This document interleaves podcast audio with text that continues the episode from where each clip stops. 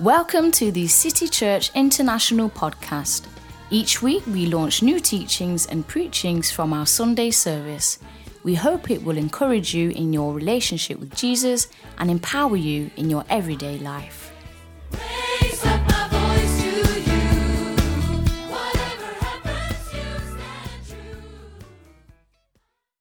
Want us to go to the book of Romans, chapter 4. I come from a place in the continent of Africa where if you do not have faith, you can't survive. Faith is of the essence. There are nations in Africa that have moved on from being the third world to second world. You know, you live in the first world here. Did you know that? You are in the first word. The next step from here is heaven. In case you didn't know. If you ever step and leave here and you don't get to heaven, you disappoint everybody because we don't know why. You can't miss. The next step is heaven. For us who live in the third world, we have to graduate to second world, then graduate to first world before we graduate to heaven. But you are very close to heaven. Never miss it. Don't miss it. But I come from that part of the world where you have to believe for your health. We don't have clean water. I came here, and one of the assistants, your assistant, my sister here, told me, uh, You can drink water off the tap.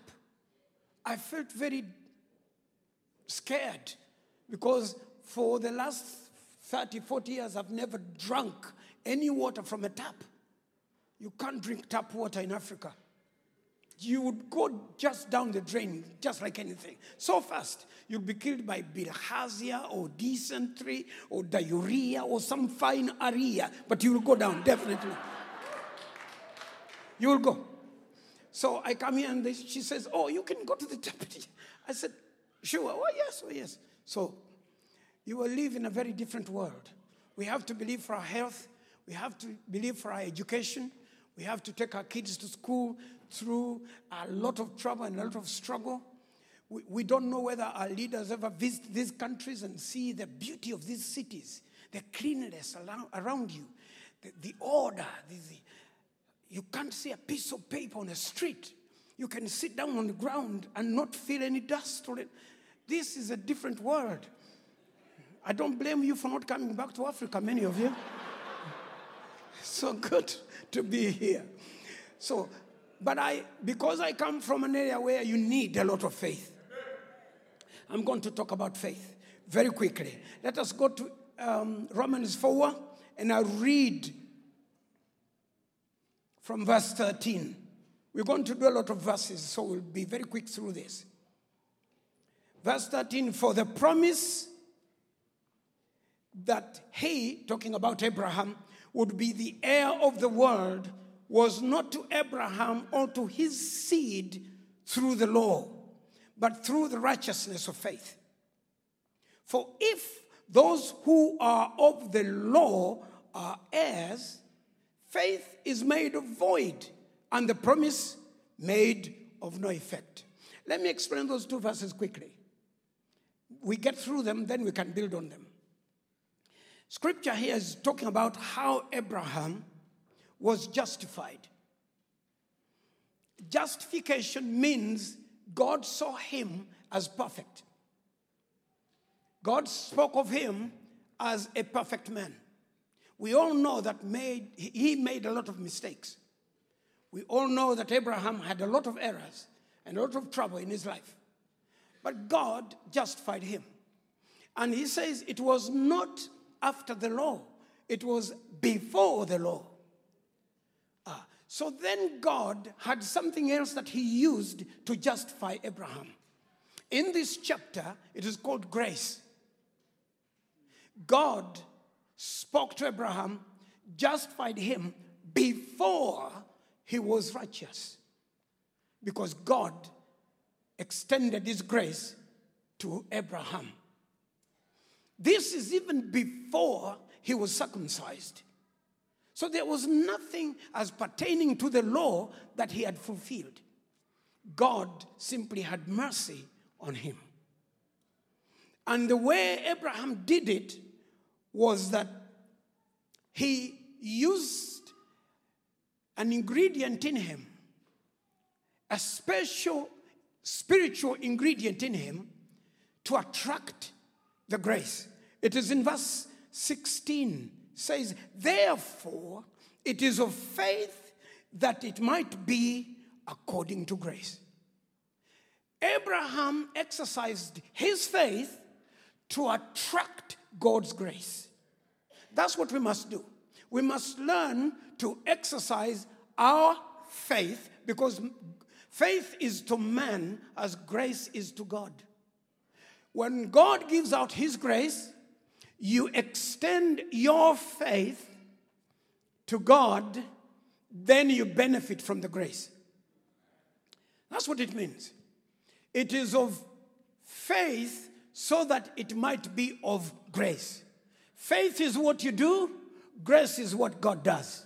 Can somebody say amen to that? Okay, so we're going to learn a few things about what we must do to make faith. See, faith is an operable word, it's an operative word, it's an action word. It's not a passive word. You do not assent to it, you act it, you do it. Faith is done. Faith is not thought about. Faith is not simply considered. No, no, no, no. Faith is done. You do something to merit God's grace. Now, how does God work with man?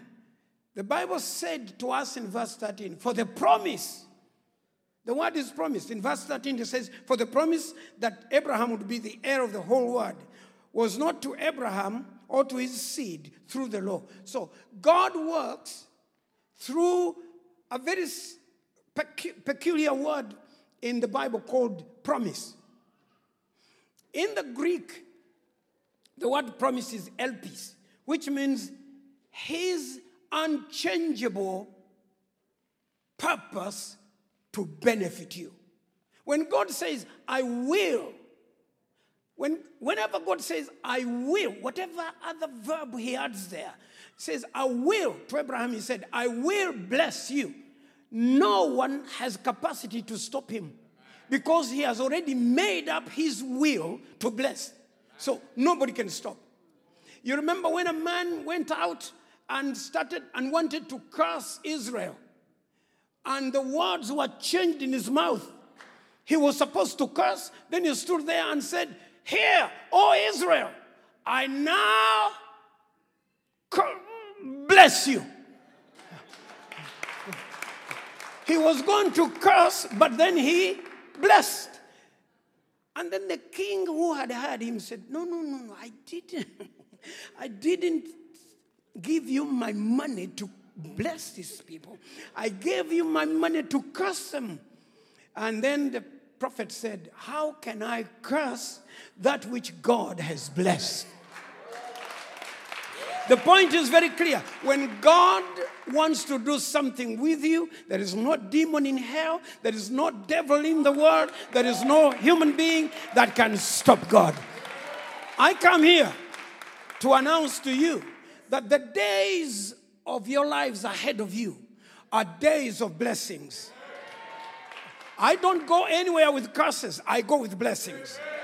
Every congregation I go to, I declare a blessing. Paul said to the book of in the book of Romans to the Romans he said I desire to come over to you so that I can impart some of my gift to you now I come here to also like Paul impart my gift to you the gift of the blessing. I am a blessed man and I can bless you today. Okay then. He says he says it is of faith that it might be of grace so that the promise might, might be sure. The King James uses a lot of words to say a simple thing. He says, if you use your faith and God releases His grace, then it is sure. The promise is assured. Have you heard of the word assured? Have you heard of the word insured? Have you heard of assurance? That's what God is saying. When the promise is given and you exercise your faith and your faith meets God's grace, at that moment, anything you want is assured. And nobody can change his mind. Now, it says, not only to those who are of the law, but also to those who are of the faith of Abraham, who is the father of us all. This is just an introduction to what is going to happen to us. And he says, whatever happened to Abraham can happen to us because Abraham, through faith, became the father of us all. Ah. We are Abraham's children. You are Abraham's child. I know your natural father. But we are talking about spiritual issues now. You are a child of God by Abraham through the faith of Abraham. The faith of Abraham was faith that was given by God. Read verse 17 and see. As it is written, what is written in verse 17? I have made you a father of many nations. See, what Abraham received was a promise in a word. And the word was very simple Abraham, today I have made you a father to many nations. Now, that speaks about three things. Let me first of all start with the first one. The first one was that it was a prayer. Abraham constantly prayed a prayer. And in Genesis 15 2, he said to God, God, what will you give me seeing I go childless? It was a constant prayer. Abraham wanted a child. Sarah, his wife, reached the age of 60 and 70 without a child and became a point of concern. So they both prayed this prayer almost daily Give us a child. Abraham reasoned and said, I have so much property. You've given me so many cows and goats, and I have silver and gold. But if I die now, all my property will go to a man that is not born in my house, uh, just a, a, a young man who works with me. Remember that Abraham was a rich man? He had trained 318 people to be his soldiers, to look after his property. Eliezer was, was a chief, and he would take over the property because Abraham had no son. So Abraham goes to God every day and prays for a son, wants something from God. One day God says, I'll give you a son. Abraham does not understand it. In fact, God said, I'll give you sons. I'll make you a father. On this night, when he said, I will make you a father to the nations, he took him out. And they walked by the seashore. And he said, Abraham, look at the sand. Look, what do you see? I see so much sand. Pick up some of it. He scooped some and saw so many specks and so many particles of the sand, many. And he said, God said to him, Your children will be as much as the sand that is by the seashore. And Abraham, like you and I, doesn't seem to understand that. I'm asking for one child. You're giving me so many children like the sand. I don't need them. I just want one or two, but not many. I don't want that much sand.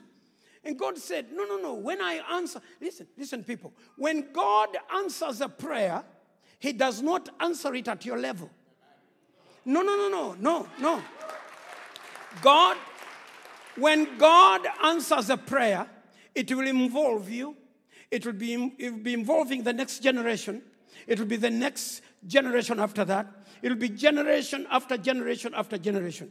God's not looking at giving you one million krona because that's not enough. If it is enough, it's only enough for you. He looks at you and says, If I give this man one million, what will it benefit? He has children and children's children and children's children's children, four generations. He needs more. So let me give him something that will go beyond a generation and another one. Do you know the things that God gives to people? Number one, favor. You can't buy favor in a store. No. When God gives, He looks at generations beyond you. When God answers a prayer, He looks us at destinies. He looks at the end. Uh, God is like an architect. He works from the end to the beginning. He's called Alpha and Omega. God does not start with the beginning. God sees what He wants and comes down to the beginning to work towards a finished project. I'll say it again. When God said, Let us make man, we'll get to that, I think. Let us make man. He, he knew what he wanted.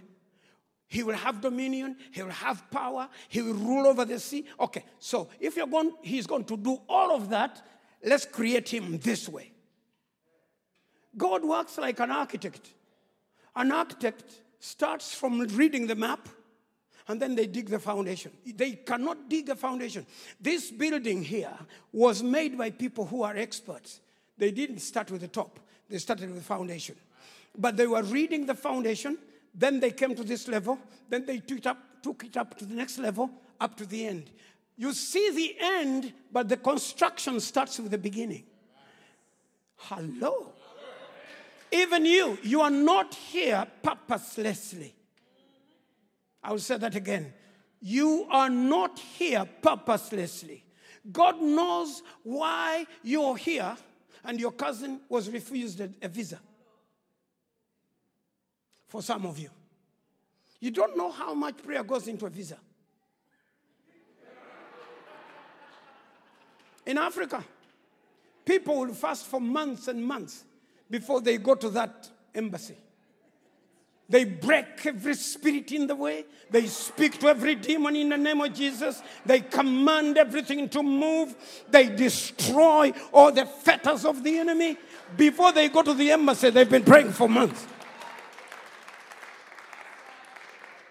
So you, you did not just happen to be here, there is destiny at play. Something is about you here that is not about your brother. Tell somebody you are here for a reason. Talk to your neighbor and say, You're here for a reason. And listen, before that reason is fulfilled, no one, no one will take you off this planet. You cannot die before you fulfill God's program. If you are thinking of early retirement, change your mind. Instead of retiring, you will be retiring. Instead of retiring as in going to sleep, you'll be retiring as in wearing new tires. Because God is going to give you new speed. Or somebody shout hallelujah. So God said to Abraham, I have made you. I have made you. Means he's going to do something that Abraham was not. When God says, I have made you, it means you have not been. But now he's going to make you. When Jesus said, Follow me, and I'll make you fishers of men. These were fishing fish. He says, Now, ah, you're going to fish men. Follow me, I'll make you. To make somebody is to make them something they were not before. I'll make you a father means you were not a father. Now I'll make you a father. And I'll not abandon you. I'll not leave you. I'll never forsake you. And I will not stop on one child. I will give you children as much as the sand on the seashore. Abraham does not understand. He takes a leave. He wants to go to sleep over that. And in the evening, God knocks the door again. Abraham, wake up. We got to walk. They walk in the night, and God says to him, What do you see? Lift your eyes. And Abraham looks at the sky and he sees, What does he see? Stars. And God says, Okay, if you can count all those stars, your children will be as many of them. And Abraham says, Dear God, please help me. I am not asking for many children. I'm only asking for one or two, not, not more. God cannot give you one, it is not enough. I come here to advocate for that God. God is able to give you exceedingly, abundantly, above all you even think or ask. God will do much more than you expect. I'll make you. God was not just talking about making. You don't seem to understand. Let's go to Genesis. Let's, let's go to Genesis. It took three distinct actions to make a man. You're a special person. You're not like an elephant or, or a bull or a. No, no, no, you're special. In Genesis chapter 1, verse 26, God said, Let us make man in our image. The word used there in the Hebrew is to construct, to build, to put together. That's the word used. Let us make man. In other words, let's construct him. It's like sitting in a laboratory and creating a robot of sorts, or doing something scientific to create something there. He uses the word making. In verse 27, he says, So God created man. So God created means he brought him into existence. First, his thoughts. That's how you, you are made. You are made in his thoughts. He knew what he wanted. And that's how he made you. Jeremiah chapter 1 says, Before you are conceived in your mother's womb, I knew you. And my purpose was that you may become a prophet to the nations. That's Jeremiah. Before his father and mother met, Jesus or God had an idea of what Jeremiah would do. He would come at the exact time when he would be of value in ministry. You didn't come here by mistake. It's not an error. The embassy did not make a mistake. Even for your growth, your childhood, your parents did not make a mistake. You can't say, I'm a mistake. I'm an error. No, you are not. According to God, you came at the right time. And your time is now. And I'm here to wake you up to your destiny. To show you that if you walk this walk and begin to talk this talk, God will make you do the things He wants you to do. Then the first, the last bit of, of our formation was Genesis chapter 2, verse 7. And the Lord God formed man of the dust of the ground. The forming of our lives in the dust of the ground was the last bit. It means to configure, to shape, to give, to give shape. Inside of me, there's a spirit and a soul. And I live in this body. Look, I may be short size according to you, but inside of me lives king size, a man. The man that is talking to you is bigger than the one that you see. I'm bigger. I'm smarter. From the inside, I'm larger. Because I was formed, I was created, and I was made. All of those three things are on me. This is my form, my size. I live in this small little box. But I'm bigger than that. If this box dies now, I'll walk out. I'm not going to go with it wherever it goes. I'll walk out and I'll go somewhere else, and the box goes somewhere else. When you become a child of God, you are not confined to that little box. No, you are not confined to that black or white or green or yellow box. No, no, no, no. The man in you, the woman in you is bigger. Greater is he that is new than he that lives in the world. Somebody say, Amen. This is what Abraham is told I will make you a father to many nations in the presence of him whom he believed, God. This is Genesis 4:17. God who gives life to the dead and calls those things which do not exist as though they are. God is not limited to what we see. God is above what we see. God is not limited to life on earth. God is above that life. He can bring things from anywhere. When God creates, He's original. You are an original format. None of us on this planet has the same data and DNA as another. I have my own fingerprint. I have my own tongue print. I have my own hairstyle. You're not like me. There's none like me. Many years ago, my wife prayed to God. I was a preacher. And I would stand before people and I would preach. This is years of 7, 81, 82, 3, 4, 83, up to, up to 83. She prayed and said, This is the woman that prayed. She said, God, if I come to a time when I'm grown up and I'm about to get married, give me a man like that. And God said to her, I don't have another one like that. if that's the one you want, take him before he's taken. God has no doubles. You are such an original, he has no doubles. You are you and you are yourself. Every exhibition, every the end, every way you exhibit yourself, you are in an original form. You are the most beautiful. According to God, you don't need a brush. You don't need combing. You don't need cleaning. You are as you are, and you're okay. There should be no modifications on you. Your nose is okay, your ears okay. Even if they are larger than mine, don't worry about it.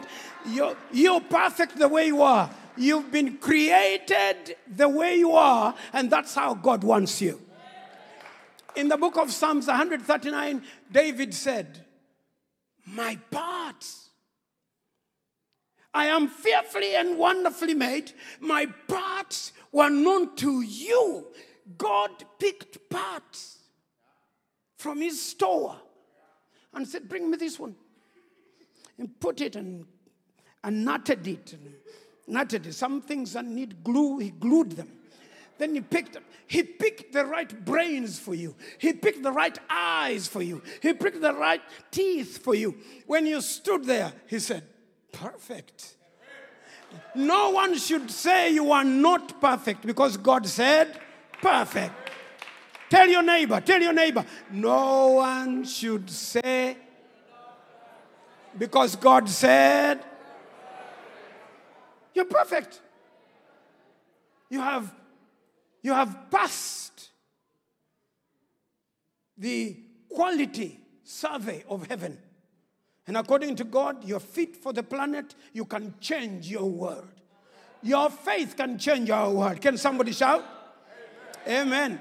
Therefore, now listen to this. Contrary to hope, in hope he believed, so that he became the father of many nations. When Abraham was being told all of this, he was above 90.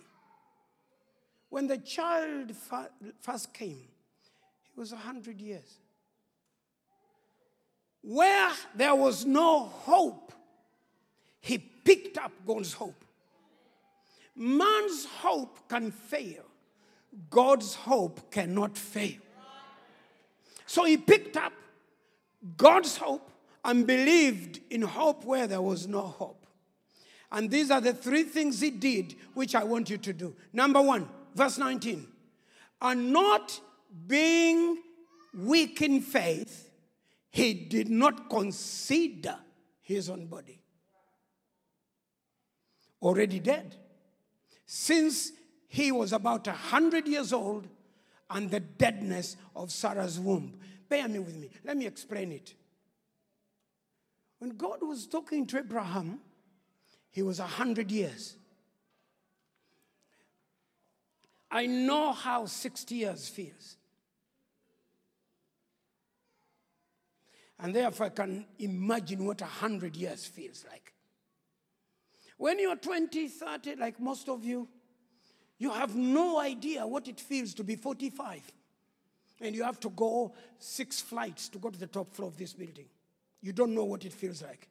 But you try to be 50 and try those steps and go up, up, up, up, up. And you get there, your, your heart will be coming out of your mouth. You just pump it back because you tried something that is not for your age.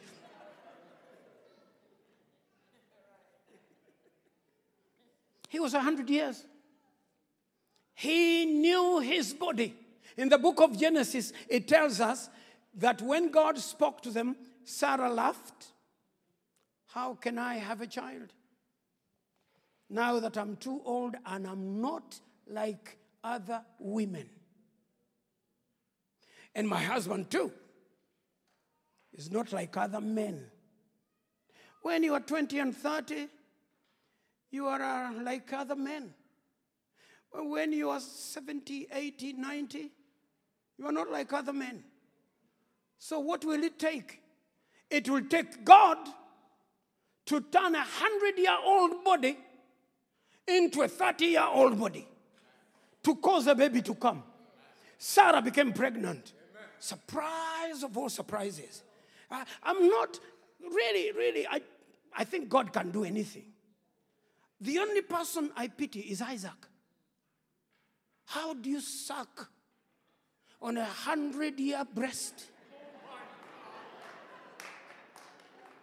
And the Bible says that young boy was breastfeeding for two and a half years. And after two and a half years, he was weaned and there was a big party. So Sarah did a whole term of nursing this baby for two and a half years on a 90 year old breast.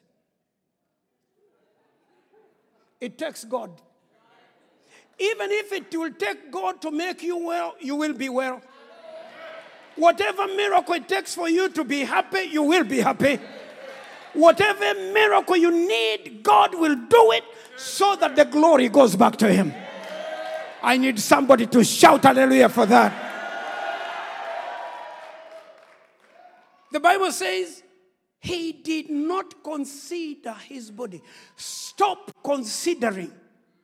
If you work with God, you must stop considering. Somebody say, stop considering. Do you know what we consider? Our size.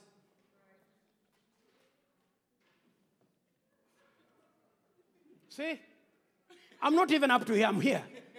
You consider your height, and then you think, it won't work. You consider your age, and then you think, can't work.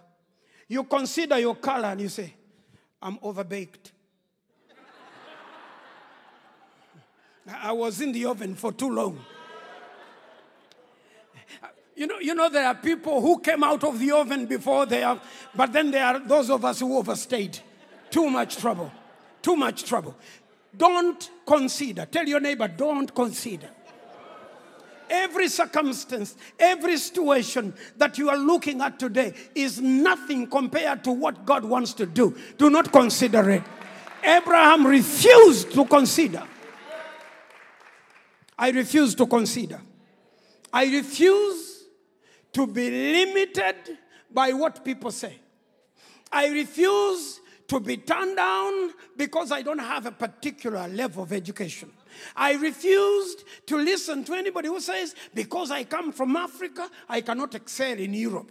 I refuse people who say, because you don't speak English, you cannot minister in, in the Scandinavian countries. No, no, no, no, no. Refuse to consider. If it needs be, take the education. Everybody learns. Go to school. I went to school, finished basic school, and then after some years I found out I can't speak Arabic. And there are so many people challenging us about Jesus and Abraham and Jacob. And, and then they, when they come to Muhammad, it gets very bad. So I went back to school to study Arabic. I came back on the streets. Now I can speak Arabic. Now let us talk about Jesus. Then, years after, I found out I needed to do more education. I went back to school. I was in school at the age of 48. I left my family to go back to university. 48. And people said, You're mad, you're crazy. What? You leave your family to go to school. What are you learning? I said, You don't know where I'm going. Even if I have two years ahead of me and I need information, I need it at my fingertips. So I'm going back to school. So, don't allow anybody to say, you can't do this. This is impossible. No, with God, all things are possible. Don't listen to them. He refused to consider his body. Verse 20, he did not waver at the promise of God through unbelief, but was strengthened in faith, giving glory to God. He did not waver. To waver is got from one opinion to another, from one position to another, to keep jumping from this to the other, to stagger at opinions. You can't have two opinions. You can't have two visions before God. You got to have just your eyes looking unto Jesus, the author and the finisher of our faith. You got to look one way. You cannot keep wavering. You cannot keep moving from one position to another. Today you are in faith, tomorrow you are out of faith, then you are in faith. Some days you are in the middle there, no man's land, middle of the road. No, no, no, no. God wants you to take a side. In the book of Revelation, He said, You must be either hot or cold. You can't be in the middle. And for me, I wish for you to be hot, on fire. On fire. I saw a song here, you were asking God to bring fire. Uh-huh. When you ask God to bring fire, He will bring fire. Yeah. And He will consume everything. Stop wavering. Stop moving from one position to another. Don't be like a drunk. A drunken man staggers. To him, he's walking straight. According to him, it's okay. He's, he's not staggering when he walks like so. God. And he keeps. And he does not know what he's doing. And you tell him, hey, excuse me, mister. Peter, you are staggering. I am not. People who are wavering are also staggering. Stop staggering. Tell your, tell your neighbor, stop staggering. Be steady. I come here to encourage you to stop staggering, to be steady. Since 1975 up to now, I have been walking.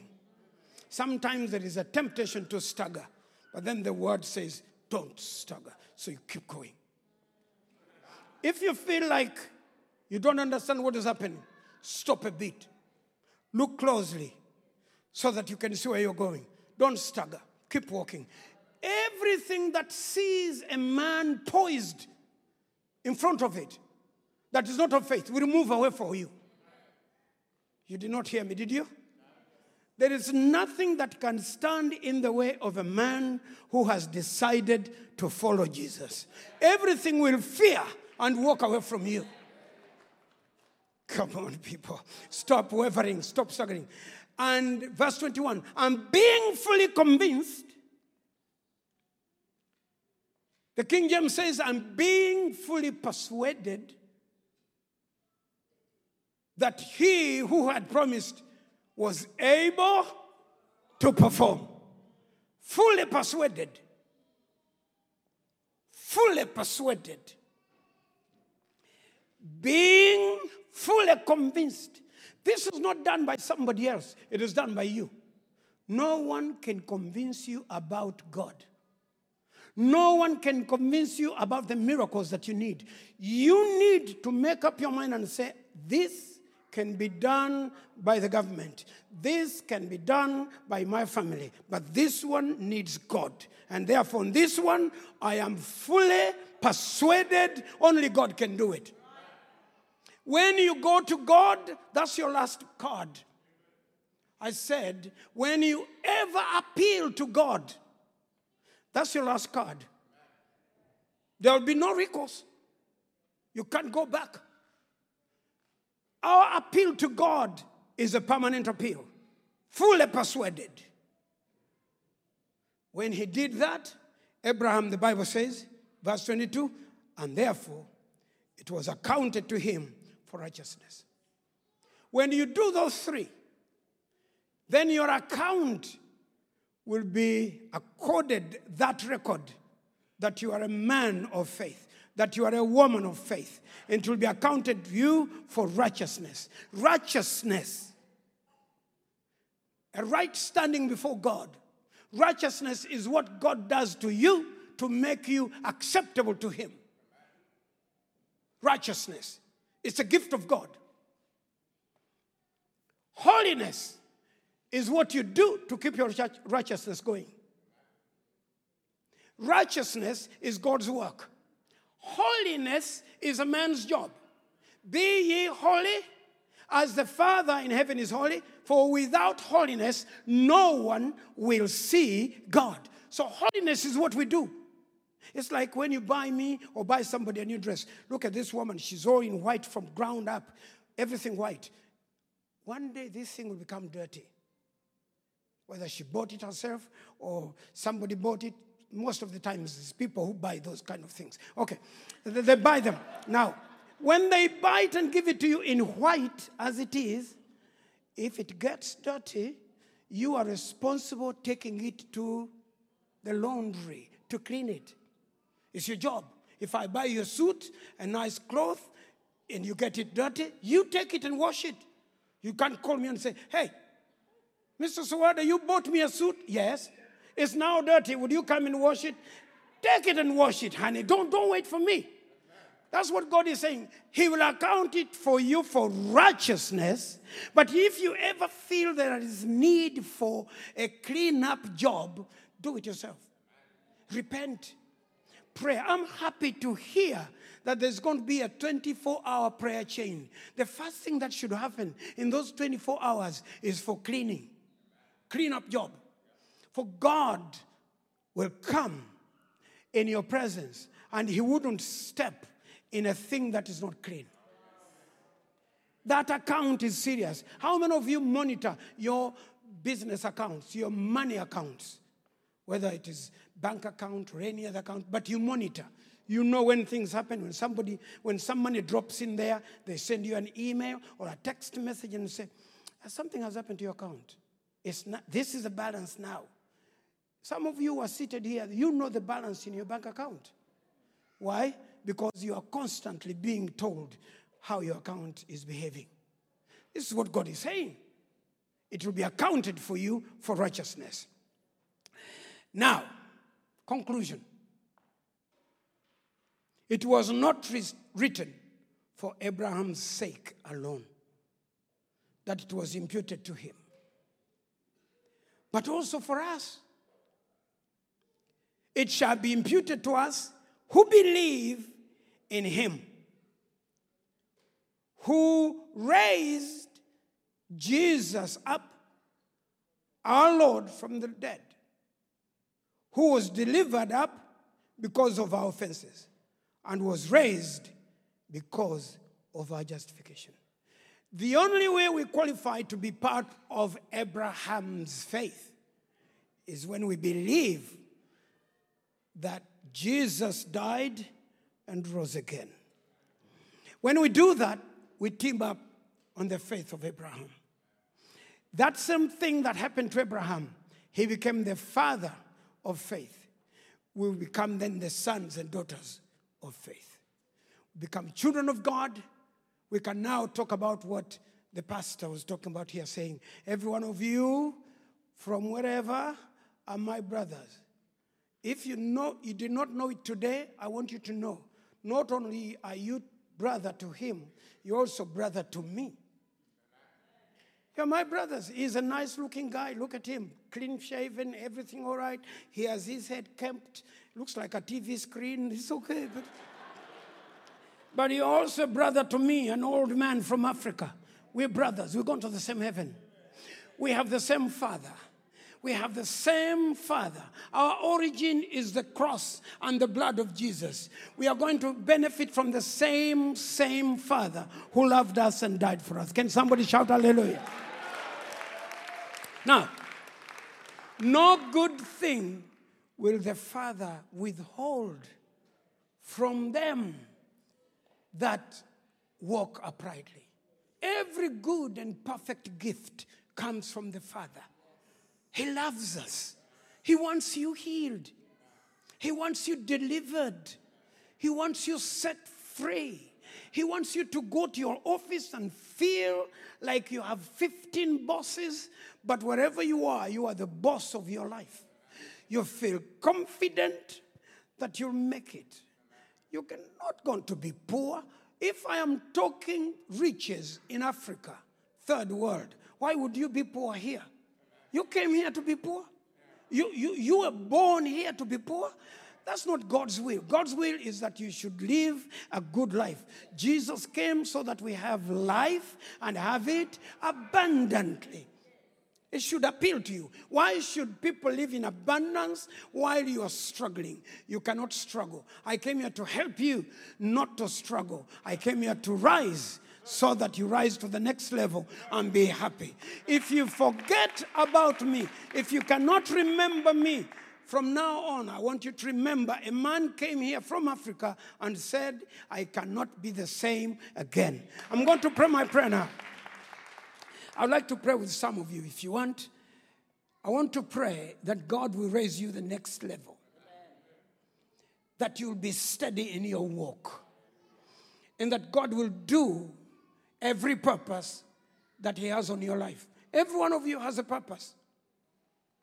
Every one of you has a reason for being here, even for coming to this church. Some of you may have strayed into this church. You came and you don't even know how you came in here. God wanted you to hear this so that your life goes on a new course and you ever remember that God met you. Jesus came from heaven up to earth. He didn't just come to stay in one place, He wants to come to your heart and be.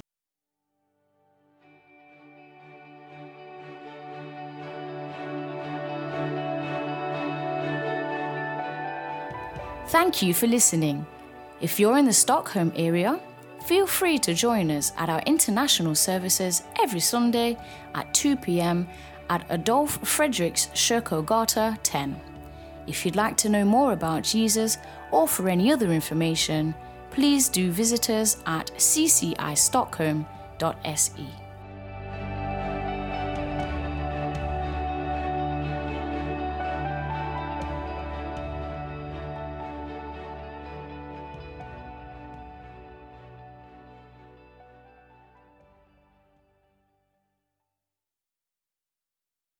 part of your life.